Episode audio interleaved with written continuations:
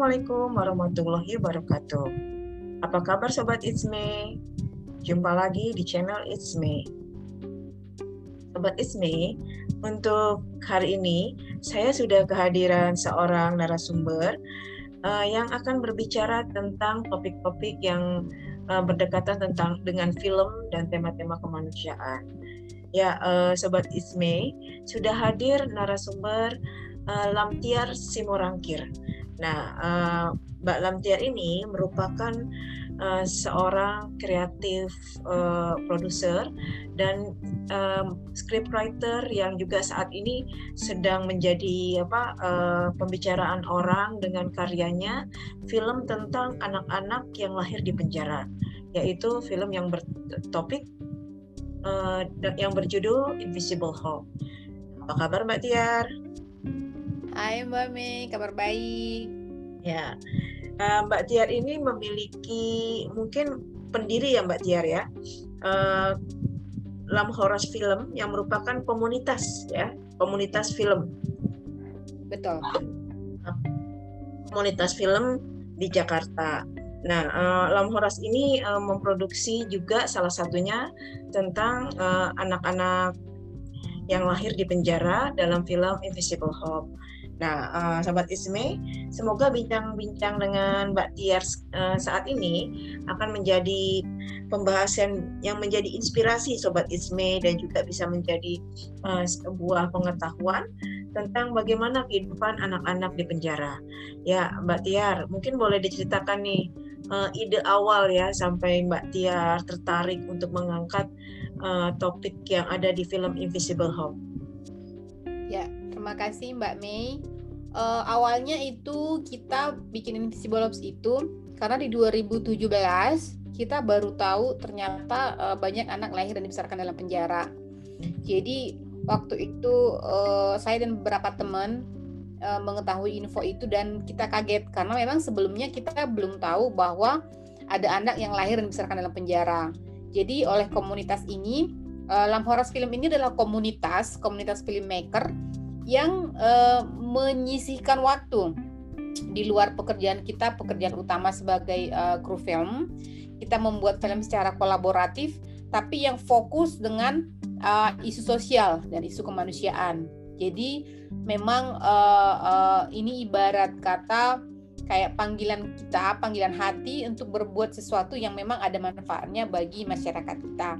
Jadi bikin filmnya itu kolaborasi, bukan uh, uh, para krunya itu uh, bukan kru yang memang uh, apa uh, untuk cari uang, jadi bukan komersil seperti itu. Lalu di 2017 itu setelah kita mengetahui tentang anak-anak ini dan ternyata banyak sekali orang yang seperti kita tidak mengetahui tentang keberadaan mereka.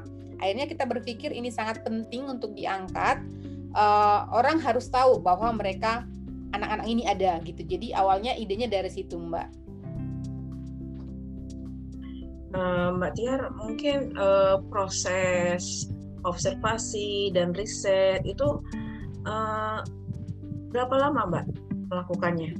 Kalau riset itu, riset itu dimulai dari kalau nggak salah pertengahan 2017, uh, lalu sampai awal 2018. Uh, itu baru mulai syutingnya. Jadi uh, mungkin hampir uh, berapa bulan ya saya lupa. Lalu kita syuting, syutingnya itu enam bulan. Nah kalau um, apa filmnya itu sendiri kita buat yang namanya cinema verite. Cinema verite itu uh, orang juga kenalnya dengan observasi. Jadi um, kalau dokumenter itu kan banyak jenisnya ya Mbak. Uh, ada yang uh, apa kalau kalau kita bikinnya yang cinema verite di mana kita observasi dan uh, kita mengikuti sinar sumnya selama enam bulan kita syuting di penjara empat penjara um, jadi uh, bukan uh, apa bukan ekspositor ekspositor itu adalah interview-interview yang menjelaskan bukan seperti itu tapi kita justru mengikuti cerita jalan hidupnya uh, uh, tokoh-tokoh yang ada dalam film ini ya uh, bukan main ternyata empat penjara ya mbak Tiar ya karena ya, uh, uh, karena yang saya lihat di film uh, yang saya tangkap itu uh, hanya di satu penjara Pondok Bambu. Nah hmm. itu uh, penggabungannya seperti apa Mbak? Hmm. Oh jadi kalau di film itu di di film final itu ada dua Mbak. Itu yang kita tonton itu dua. tapi kita syuting itu empat. Nah itu yang tadi saya bilang uh, kita bikin cinema verite bahwa cinema verite ini ada tokohnya, uh, uh, ceritanya kita ngikutin, ada ada alur ceritanya seperti supaya terasa seperti biasanya terasa seperti fiksi gitu. Nah uh, untuk kepentingan cerita ini kita melihat bahwa kalau kita masukkan yang empat semua empat penjara ini penonton akan bingung. Uh, mereka tidak akan relate dengan tokohnya tidak akan fokus ceritanya. Apalagi kan mereka harus diblur wajahnya untuk perlindungan identitas. Uh, penonton itu akan kehilangan interest kepada si tokoh ketika mereka nggak bisa melihat wajah si uh, protagonisnya. Apalagi kalau tokohnya banyak banget nanti bingung. Jadi yang di film itu uh, akhirnya kita masukkan dua, hanya dua lokasi. Kalau boleh tahu dari empat uh, lokasi itu di mana aja? Yang tadi dua uh, dua di Bandung, dua di Jakarta. Hmm, dua di Bandung, dua di Jakarta. Nah, untuk ini nih Mbak, proses izinnya, proses izinnya satu kali atau uh, empat tuh Mbak kalau di empat, empat lokasi? Jadi empat, masing-masing lokasi satu. Oh, empat. Uh, dan itu sempat kita perpanjang karena awalnya itu uh, ide kita, ide awal adalah hanya bikin uh, film pendek karena tadi kan saya bilang kita uh, komunitas yang uh, secara kolaborasi membuat filmnya, pembiayaan juga kolaborasi, sehingga kita tidak punya dana yang besar untuk bikin proyek besar. Nah, makanya ide awal itu hanya 10 atau 15 menit. Jadi kita waktu itu awalnya minta izin syuting itu hanya tiga bulan. Ternyata ketika kita memulai syuting kita menemukan wow ini masalahnya kompleks sekali gitu. Bukan hanya masalah ada anak lahir dan dibesarkan dalam penjara mereka tidak seharusnya di situ tidak sesimpel itu. Tetapi sangat banyak yang terkait dengan itu. Mulai dari seorang perempuan hamil ditangkap masalah bergulir, bergulir dari situ seperti bola salju sampai ke belakang semakin besar semakin besar. Dan di antara semua kok masalah yang kompleks ini yang menjadi korban adalah anak. Sehingga kami menemukan bahwa kalau hanya film pendek ini tidak akan bisa mengcapture uh, uh, kompleksitas permasalahan perempuan hamil dan anak yang lahir dalam penjara. Sehingga kami uh, memperpanjang kembali izin syutingnya tiga bulan lagi sehingga totalnya ada enam bulan. Dan mendapatkannya itu memang benar sangat susah susah banget. Uh, uh, tapi uh, waktu itu uh, alhamdulillah kita dapat bantuan dari beberapa teman aktivis uh, sehingga pada akhirnya uh, bisa dapat izin. Ya Mbak, mungkin uh, Sobat Isme mau tahu nih kan tadi ada empat lokasi tuh Mbak ya. Tapi akhirnya hanya diambil dua. Itu pertimbangannya tuh apa Mbak? Uh, jadi kita pertimbangannya adalah kan tadi saya bilang ceritanya sangat eh, bukan cerita permasalahannya sangat kompleks tetapi kita harus melihat bahwa um, bagian mana topik utama mana yang paling urgent kita tonjolkan dulu di film ini sehingga bisa menggugah penonton menjadikan film ini bahan diskusi untuk mencari solusi yang terbaik bagi ibu hamil dan terutama anak-anak yang lahir dan dibesarkan dalam penjara. Sehingga kita melihat uh, uh, apa namanya kemudian juga dari kepentingan cerita. Maksudnya dalam arti kan kalau dokumenter itu Mbak sama dengan fiksi ya. Fiksi itu kan dia harus punya tokoh yang menarik ya kalau tokohnya nggak menarik orang orang malas nonton gitu. Nah eh, yang kita bikin ini kan bukan hanya untuk bertujuan untuk advokasi tetapi juga untuk uh, uh, apa namanya sebagai apa namanya sebagai bentuk film kan? Sebagai apa namanya uh, alat hiburan entertainment gitu walaupun uh, sebenarnya ceritanya sangat sedih gitu. Jadi uh, kita menemukan tokoh yang menarik itu adanya di yang di Jakarta. Maksudnya narsumnya. Kalau kalau dokumenter bilangnya narsumnya, tapi kita bilang karakternya lah gitu. Jadi kita menemukan oh si kan itu kan kita kita dari 40-an lebih ibu-ibu itu kan kita melihat Mbak misalnya oh si tokoh ini menarik nih misalnya kalau orang nonton gitu loh. Lalu kita melihat dari kisah hidup dia kira-kira uh, topik topik permasalahan yang ingin kita sampaikan ke masyarakat tentang anak dan ibu hamil ini ada nggak di dalam cerita hidup dia gitu loh.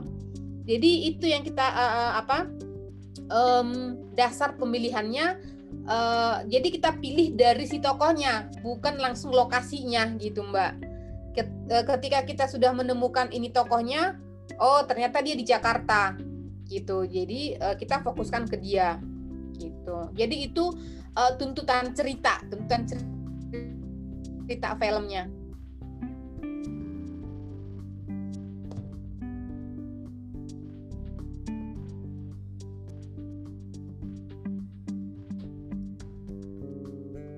Ya, uh, jadi ini Mbak ya uh, dari keempat itu mungkin yang bisa saya simpulkan wanita yang yang mengandung dan melahirkan itu ada di dua lokasi itu, ya gitu bukan, Mbak ya. Bukan, di, di semuanya oh, ada, di semuanya ada, semuanya hmm. kita syuting. Tetapi hmm. yang saya bilang tadi tokoh utamanya ada di Jakarta, itu. Jadi itu ada di Rutan dan Lapas Pondok Bambu maka itu yang kita masukkan di main story-nya gitu. Ya ya Mbak.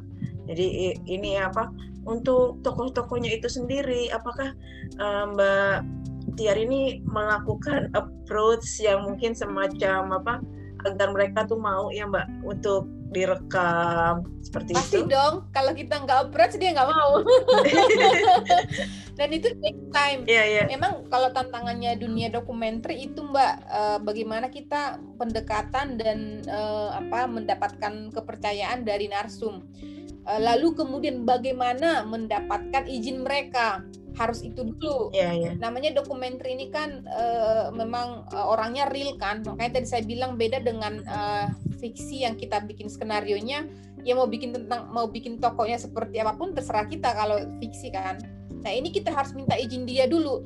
Kalau kita tidak belum mendapatkan izin sinarsum, kita nggak boleh syuting. Itu ada etikanya di dokumenter gitu mbak. Jadi uh, pertama-tama tentunya begitu kita sampai di di lapas dan rutan tentunya kita uh, kan surat itu kan dari Dirjen Pas ya. Kita tunjukkan dulu suratnya kemudian pokoknya setelah selesai urusan inilah urusan uh, uh, legal eh perizinan uh, udah sungkem dulu ke kalapas karutan kan gitu ya.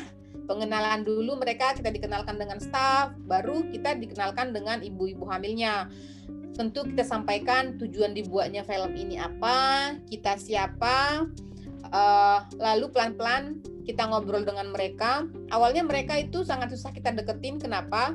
Karena kebanyakan uh, apa khawatir kita ini mata-mata petugas gitu, jadi agak susah. Lalu kemudian kita jelaskan bahwa uh, tujuannya adalah untuk supaya masyarakat tahu tentang keberadaan mereka hingga akhirnya nanti melalui film ini diharapkan ada perubahan yang lebih baik bagi uh, ibu hamil dan anak-anak di balik penjara. Mungkin saat ini um, manfaatnya belum buat eh, kakak-kakak sekalian, saya sampaikan begitu ke mereka, tapi buat ibu hamil berikutnya dan anak berikutnya yang mungkin akan lahir lagi dalam penjara. Jadi itu pelan-pelan kita kita sampaikan ke mereka hingga akhirnya uh, semakin banyak yang mau ngomong dengan kita, mau ngobrol dengan kita, yang mau kita interview, hingga akhirnya uh, seperti Mbak Mei lihat di filmnya itu kita dekat banget sampai kayak udah sehari-hari dengan mereka dan itu takes time. Itu itu yang itu yang paling penting dalam sebuah dokumenter.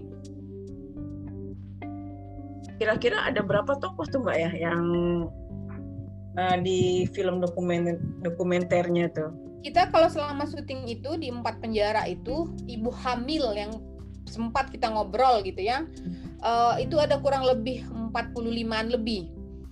Dan uh, tapi nggak semua mereka ini mau di depan kamera. Tapi yang sempat kita syuting uh, pokoknya yang ada di frame lah ya yang pernah ada kelihatan itu kurang lebih 30-an 40 gitu. Jadi um, untuk tokoh utamanya sendiri uh, tapi nanti jadi spoiler. Untuk tokoh utamanya sendiri ada beberapa orang. Jadi nggak semua yang uh, jadi tokoh utama seperti Mbak Mei lihat. Tapi kalau untuk jumlahnya itu banyak. Uh, itu yang di empat lokasi itu ada lebih 45 aku rasa sampai 50-an ada deh.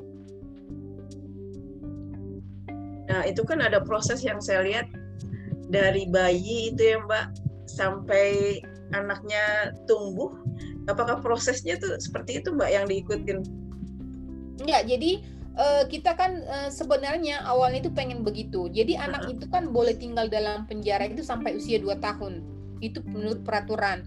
Tadinya idenya itu kita pengen sampai benar-benar ngikutin pengen ngikutin satu hmm. ibu dari mulai di uh, masuk rutan lalu dia hamil uh, menjalani proses kehamilan melahirkan sampai anaknya dua tahun sampai mau meninggalkan penjara gitu.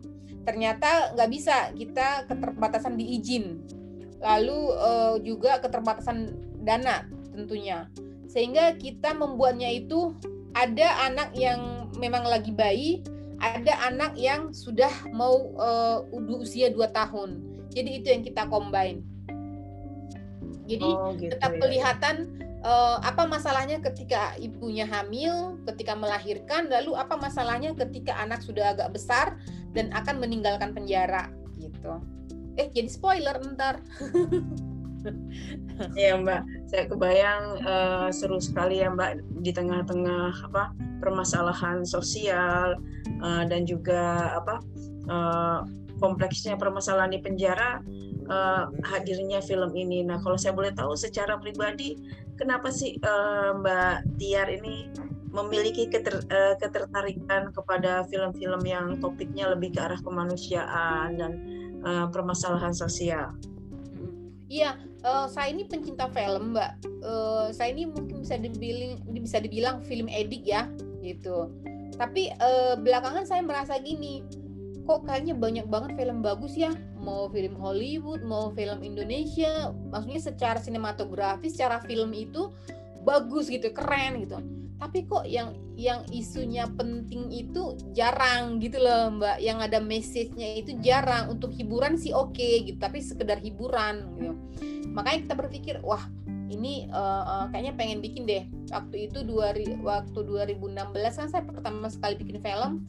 Saya ngerasa wah film saya mesti ada message-nya nih gitu. Dari jadi awalnya dari situ terus saya bikin ada skenario untuk film pendek. Saya ajak teman-teman ternyata banyak yang seperti saya gitu loh. Yang kayak ngerasa kita tuh udah capek kalau misalnya syuting gitu ya bahkan uh, kadang callingan mulai jam 5 pagi terus sampai tengah malam lewat lagi jam 1 jam 2 gitu. Tapi sudah capek banget tapi kok hasil filmnya itu kayak nggak ada message-nya gitu ya. Akhirnya saya mikir ah pengen bikin ah maksudnya sesuatu yang penting buat masyarakat gitu. Ternyata banyak teman-teman yang ngedukung gitu. Iya. Uh, mungkin kalau secara pribadi ada latar belakang apa khusus gitu Mbak. Misalnya apakah memang dulunya berkecimpung di kegiatan sosial? Jadi isu-isu sosial ini menjadi sesuatu yang kayaknya duh uh, bagian dari kehidupan Mbak Tiar. Gimana Mbak? Enggak sih. Saya cuma tadi yang saya bilang ketika oh. tahu bahwa ada anak yang ini khusus invisible hopes ya. Ketika ada anak lahir dalam penjara itu saya ngerasa itu nggak adil gitu. Karena uh, saya uh, waktu kecil itu bebas gitu terus punya banyak an eh punya banyak teman gitu.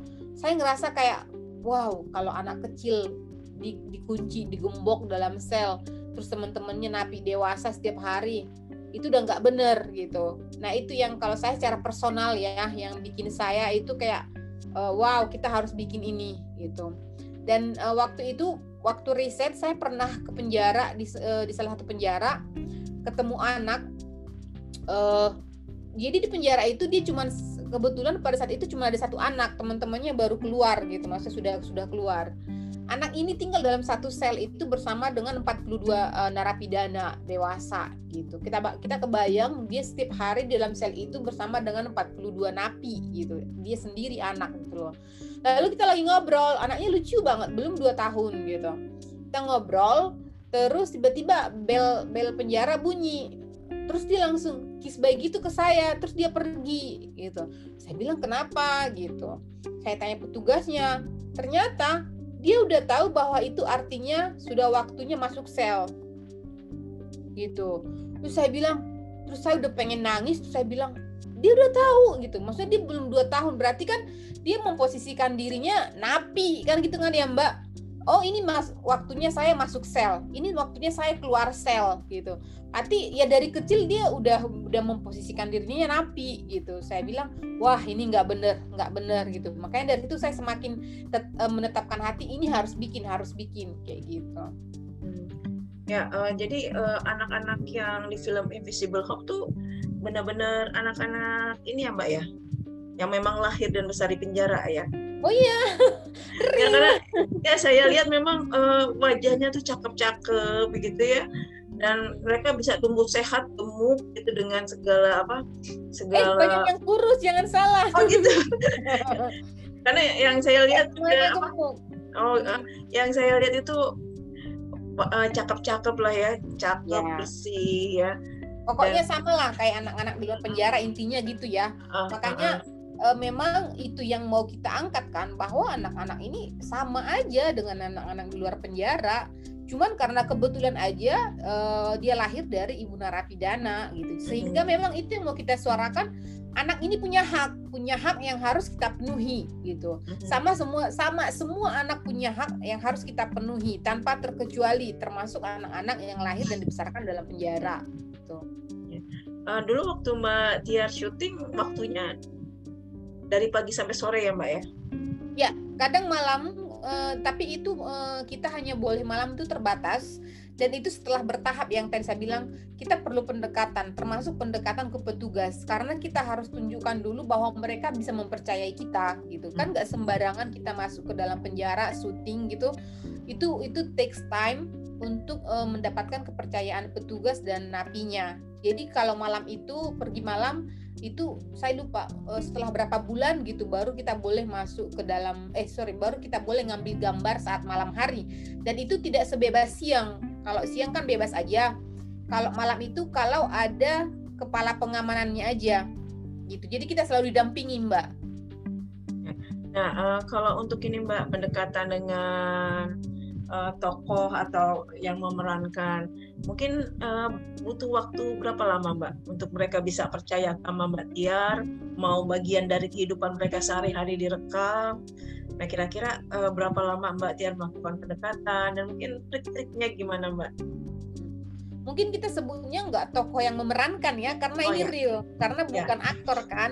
Ya, ya. Uh, banyak juga orang berpikir uh, karena mereka ngelihat real gitu kayak kayak apa fiksi gitu ada tokohnya mereka ada beberapa bahkan wartawan bilang ke saya itu dikasih skenario ya gitu mereka pikir saya ngarang-ngarang ceritanya gitu Enggak, jadi itu uh, itu real. Yang tadi saya ceritakan kan pendekatan awal kan ada gitu. Kita ngobrol dulu, kita kasih tahu uh, film ini tujuannya apa, uh, dan kita beritahu kita ini siapa dari mana nanti filmnya ini akan di mana uh, tayang di mana gitu. Jadi itu yang uh, pelan-pelan kita sampaikan ke mereka. Kemudian apa yang kita sampaikan itu memang ya nggak ngada-ngada maksudnya nggak bohong gitu. Itu yang mereka percaya. Kemudian ketika mereka bilang kamu mata-mata petugas nggak? Gitu. Nggak kita bukan mata-mata. Dan kita tunjukkan memang kita bukan mata-mata gitu. Apa yang mereka ceritakan saya bilang apa yang kamu ceritakan ke saya, saya nggak akan ceritakan ke siapa pun termasuk petugas. Terus mereka nanya, terus habis syuting gini uh, nanti uh, videonya udah dikasih tunjuk nggak ke petugas gitu? Oh nggak, saya nggak akan pernah kasih tunjuk karena ini privacy saya sebagai filmmaker. Jadi itu yang pelan-pelan, pelan-pelan kita ngobrol dan tentunya kan kalau kayak gini ya kita pasti ada kecocokan personal kan tentunya uh, dengan pribadi mereka gitu-gitu. Jadi itu yang uh, uh, apa kita kita pelan-pelan kita pendekatan ke mereka. Bagaimana cara kita uh, membuat mereka nyaman untuk bercerita? Ya, uh, kalau boleh tahu mungkin uh, Mbak Tiar ke sana itu dengan tim berapa orang, Mbak? Kalau itu uh, awalnya kita tuh hanya dua orang benar-benar cuma dua orang karena kita berpikir hanya bikin 15 menit kan 10 menit gitu maksudnya kru syutingnya harus dibedakan karena kalau bikin film itu ada tahapnya ada riset, ada uh, praproduksi, ada produksi, produksi itu syuting. Kemudian ada lagi pasca produksi yaitu ngedit segala macam. Nah, itu ada pasca produksi. Kalau syuting sendiri itu berbeda. Syuting itu kita mulai dua orang, tetapi uh, mainly sepanjang sepanjang uh, syuting itu uh, mainnya itu ada enam orang karena kita kan uh, apa perlu standby di tiap-tiap penjara seperti itu. Jadi uh, pertama uh, krunya tidak boleh banyak karena masuk ke dalam penjara juga dibatasin dan harus perempuan gitu. Yang kedua juga karena keterbatasan dana. Dan memang filmmaker di Indonesia yang perempuan masih terbatas, Mbak. Gitu. Itu juga kemarin kesulitan kita ketika mencari kru gitu. Ya, uh, untuk kendala nih Mbak, kendala di saat mungkin syuting uh, atau mungkin juga uh, kendala pada saat proses ya dari observasi sampai ke pasca produksi ini apa yang paling menurut Mbak Tiar mungkin uh, hambatan yang paling berat seperti itu Mbak? Dana. Oh. Iya iya iya. Nah, sebenarnya yang paling susah itu ya makanya kita kemarin itu uh, lama selesai. Karena tadi saya bilang bahwa kita uh, dari komunitas yang memang kita bukan PH besar kita tidak ada investor memang secara kolaboratif aja. Jadi waktu itu memang takes time untuk mencari fundingnya. Tapi kalau tidak salah sekarang sudah ini ya mbak ya sudah ada funding ya untuk waktu itu untuk post production ya kita dibantu oleh Swiss Embassy sama Norway Embassy untuk post production sama premiere. Tapi itu untuk post produksi ya? Ya. Karena mungkin kalau uh, produksi masih belum ini ya Mbak ya, masih belum kelihatan gitu ya, masih swadaya dari komunitas. Ya, waktu produksi itu tuh yang kita berdarah-darah hmm? karena kita harus biayain sendiri tapi ya alhamdulillah bisa selesai. Ya uh, Mbak Dia untuk saat ini ketika mungkin uh, film ini dibuat itu sempat ini ya Mbak ya tayang di bioskop tidak kan ya? Ya. Ya. Bertahan berapa lama tuh Mbak? Bioskop. ah cuma seminggu. Oh. Ya ya biasa uh, dokumenter mah nggak banyak penonton yeah. dan memang uh, terus terang karena memang kita kan eh, nggak uh, ada uang ya buat promosi. Jadi memang eh, nggak uh, terlalu banyak penonton. Tetapi uh, kita melihatnya seperti ini mbak. Bahwa tujuan kita menayangkan di bioskop adalah bagaimana supaya sebanyak mungkin orang melihat film ini hmm. orang mengetahui tentang keberadaan anak-anak ini dan ibu hamil ini sehingga semakin banyak orang yang tergerak untuk melakukan sesuatu untuk membantu mereka dan supaya bisa menjadi bahan diskusi mudah-mudahan secara bersama-sama kita masyarakat dan negara bisa melihat ini dan mendiskusikan apa solusi yang lebih baik buat ibu hamil dan anak yang lahir dalam penjara. Jadi berapapun jumlah penontonnya, mau satu bahkan satu atau dua orang pun eh, apa kita sangat hargai bahwa memang tujuan kita adalah untuk raise awareness untuk uh, menginformasikan ke sebanyak mungkin orang bahwa anak-anak ini ada gitu dan butuh perhatian itu yang paling penting. Iya Mbak, mungkin uh, selain itu ini ya Mbak ya uh, selera masyarakat film kita itu lebih ke arah mungkin masih ke yang romantika dan hiburan mungkin Mbak ya berkaitan dengan seperti itu tidak Mbak? Uh, kalau itu kan hubungannya dengan segmen penonton ya, bahwa itu hmm. memang kita sudah pasti tahu bahwa uh, se semua film, semua film itu pasti ada uh, target audiensnya. Hmm. Jadi kita juga tidak bisa bilang, wah ini kok dikit banget penonton. Ya memang segmented gitu bahwa hmm. film-film seperti ini ada penontonnya film romantis ada penontonnya film action ada penontonnya sendiri. Jadi kita juga uh, udah tahu bahwa setiap film tahu mana uh, target audiens mereka. Ya kalau bicara dengan tentang target audiens nih mbak uh, kira-kira Invisible Hope ini uh, siapa sih yang menjadi target sasaran film ini? Sudah pasti uh, kalau untuk menginformasikan itu seluruh masyarakat ya. Hmm. gitu. Jadi um, target audiens kita itu secara demografis pasti laki-laki dan perempuan dengan uh, uh, jenjang usia sebenarnya kita kita targetkan itu dari 13 13 uh, jadi usia remaja sebenarnya.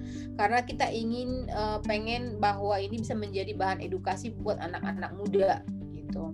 Um, lalu tentu para pihak-pihak uh, yang memang concern di isu uh, perempuan hak perempuan dan anak lalu kemudian uh, aktivis NGO kemudian akademisi lalu yang pasti juga yang sangat penting adalah negara kemudian um, tentu movie goers juga film komunitas sebagai orang-orang pencinta film seperti itu tapi memang kita harapkan untuk bisa berbuat sesuatu yang nyata itu di jenjang usia 23 ke atas yang memang begitu melihat uh, ketika mereka tergerak dan uh, kita harapkan memang bisa uh, untuk melakukan sesuatu.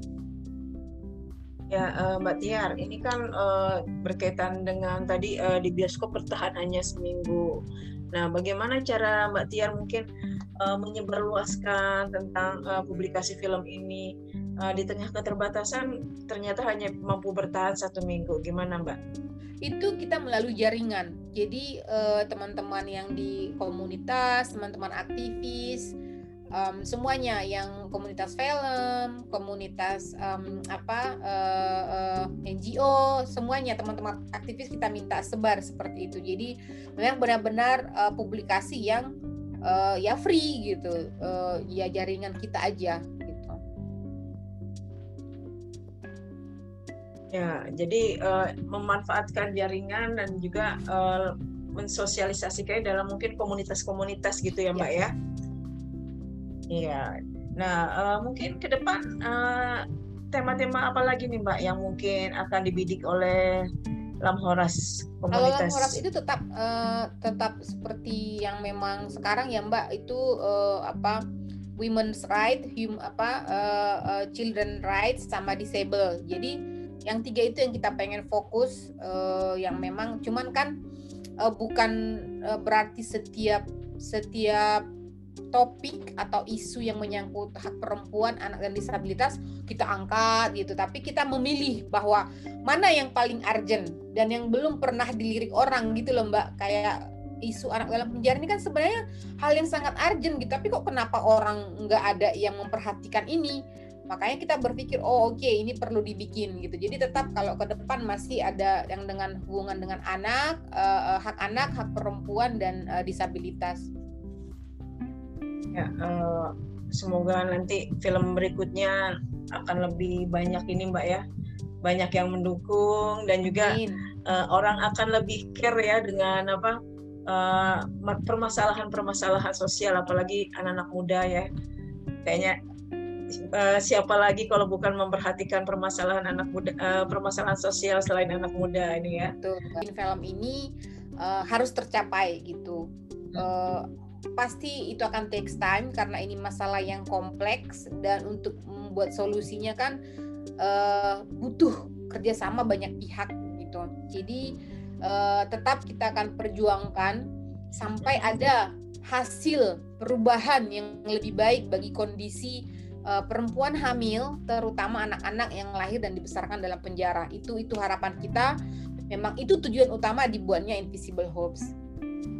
Ya, uh, satu yang terakhir nih Mbak, kira-kira mungkin ada pengalaman yang menarik gitu ya selama syuting yang membekas di uh, benak Mbak Tiar, jadi sampai sekarang mungkin nggak terlupakan. Mungkin ada nggak Mbak? Jadi share ke teman It's Me. Banyak banget.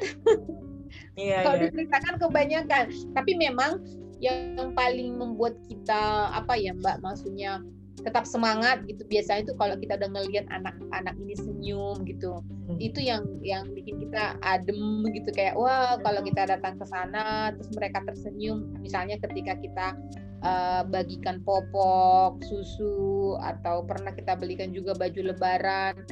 Pokoknya begitu mereka senyum dan keluar dari sel itu bikin kita kayaknya adem banget gitu. Itu yang memang uh, bikin kita tetap apa ya meskipun susah menyelesaikan invisible hopes tapi ya kalau mengingat senyum anak-anak itu itu bikin kita tetap semangat. Iya, bukan main karena ya anak-anak yang mungkin tidak tahu permasalahan, tidak berdosa ya Mbak ya. Dan membuat terenyuh. Ya, uh, sobat Ismay, uh, perbincangan dengan Mbak Tiar mudah-mudahan bisa membuka mata sobat semua. Ya ternyata fenomena di luar itu sedemikian kompleks apalagi mungkin nasib perempuan yang hamil lalu masuk ke penjara dan harus melahirkan di sana. Terlebih juga anak-anak yang tumbuh kembang di penjara ini adalah sebuah problematika yang mungkin uh, kurang uh, mendapat perhatian ya uh, masyarakat luas ya dengan adanya film Invisible Hope ini mudah-mudahan kita jadi bisa tahu kalau ternyata uh, betapa uh, kompleksnya permasalahan uh, di penjara bukan sekedar uh, orang tua atau dewasa yang di penjara, tapi juga ada anak-anak yang tanpa tahu duduk permasalahannya juga ikut di penjara. Nah, uh, Mbak Tiar, mungkin di sini di akhir percakapan kita uh, ada mungkin satu message yang bisa uh, Mbak Tiar sampaikan kepada Sobat Isme, tak itu mungkin berkaitan dengan fenomena sosial ataupun berkaitan dengan tema tema-tema yang bisa um, seperti itu. Silakan Mbak.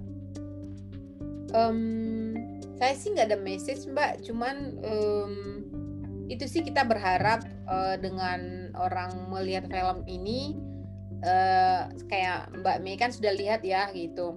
Uh, kita berharap orang tergerak untuk melakukan sesuatu sekecil apa pun itu. Itu aja sih Mbak. Kalau saya nggak pinter memotivasi orang, tetapi itu saja bahwa memang kami bikin Invisible Hopes da, uh, dengan harapan pada akhirnya ada uh, perubahan yang lebih baik untuk perempuan hamil dan anak dalam penjara. Ya, Semoga ya Mbak ya, semoga uh, harapannya juga mungkin harapan teman-teman khususnya teman-teman perempuan ya akan lebih memperhatikan uh, mungkin dengan laki-laki dan perempuan akan lebih kuat ya Mbak ya dukungannya. Ya, dan memang itu tanggung jawab laki-laki juga gitu. Ya, betul ya. Ya, uh, sobat Ismi, demikian bincang-bincang kita uh, untuk kali ini. Terima kasih Mbak Tiar yang sudah memberi kesempatan untuk uh, berbincang-bincang uh, di channel It's Me. Dan semoga sobat It's Me bisa mendapatkan manfaat dan semoga juga uh, menemukan inspirasi khususnya yang berkaitan dengan perfilman yang topiknya uh, tentang topik-topik permasalahan sosial ya sobat Isme ambil positifnya buang yang buruknya semoga kita tetap melakukan kebajikan. Ya, Assalamualaikum warahmatullahi wabarakatuh. Terima kasih Mbak Tiar. Makasih Mbak Mei, makasih semuanya. thank you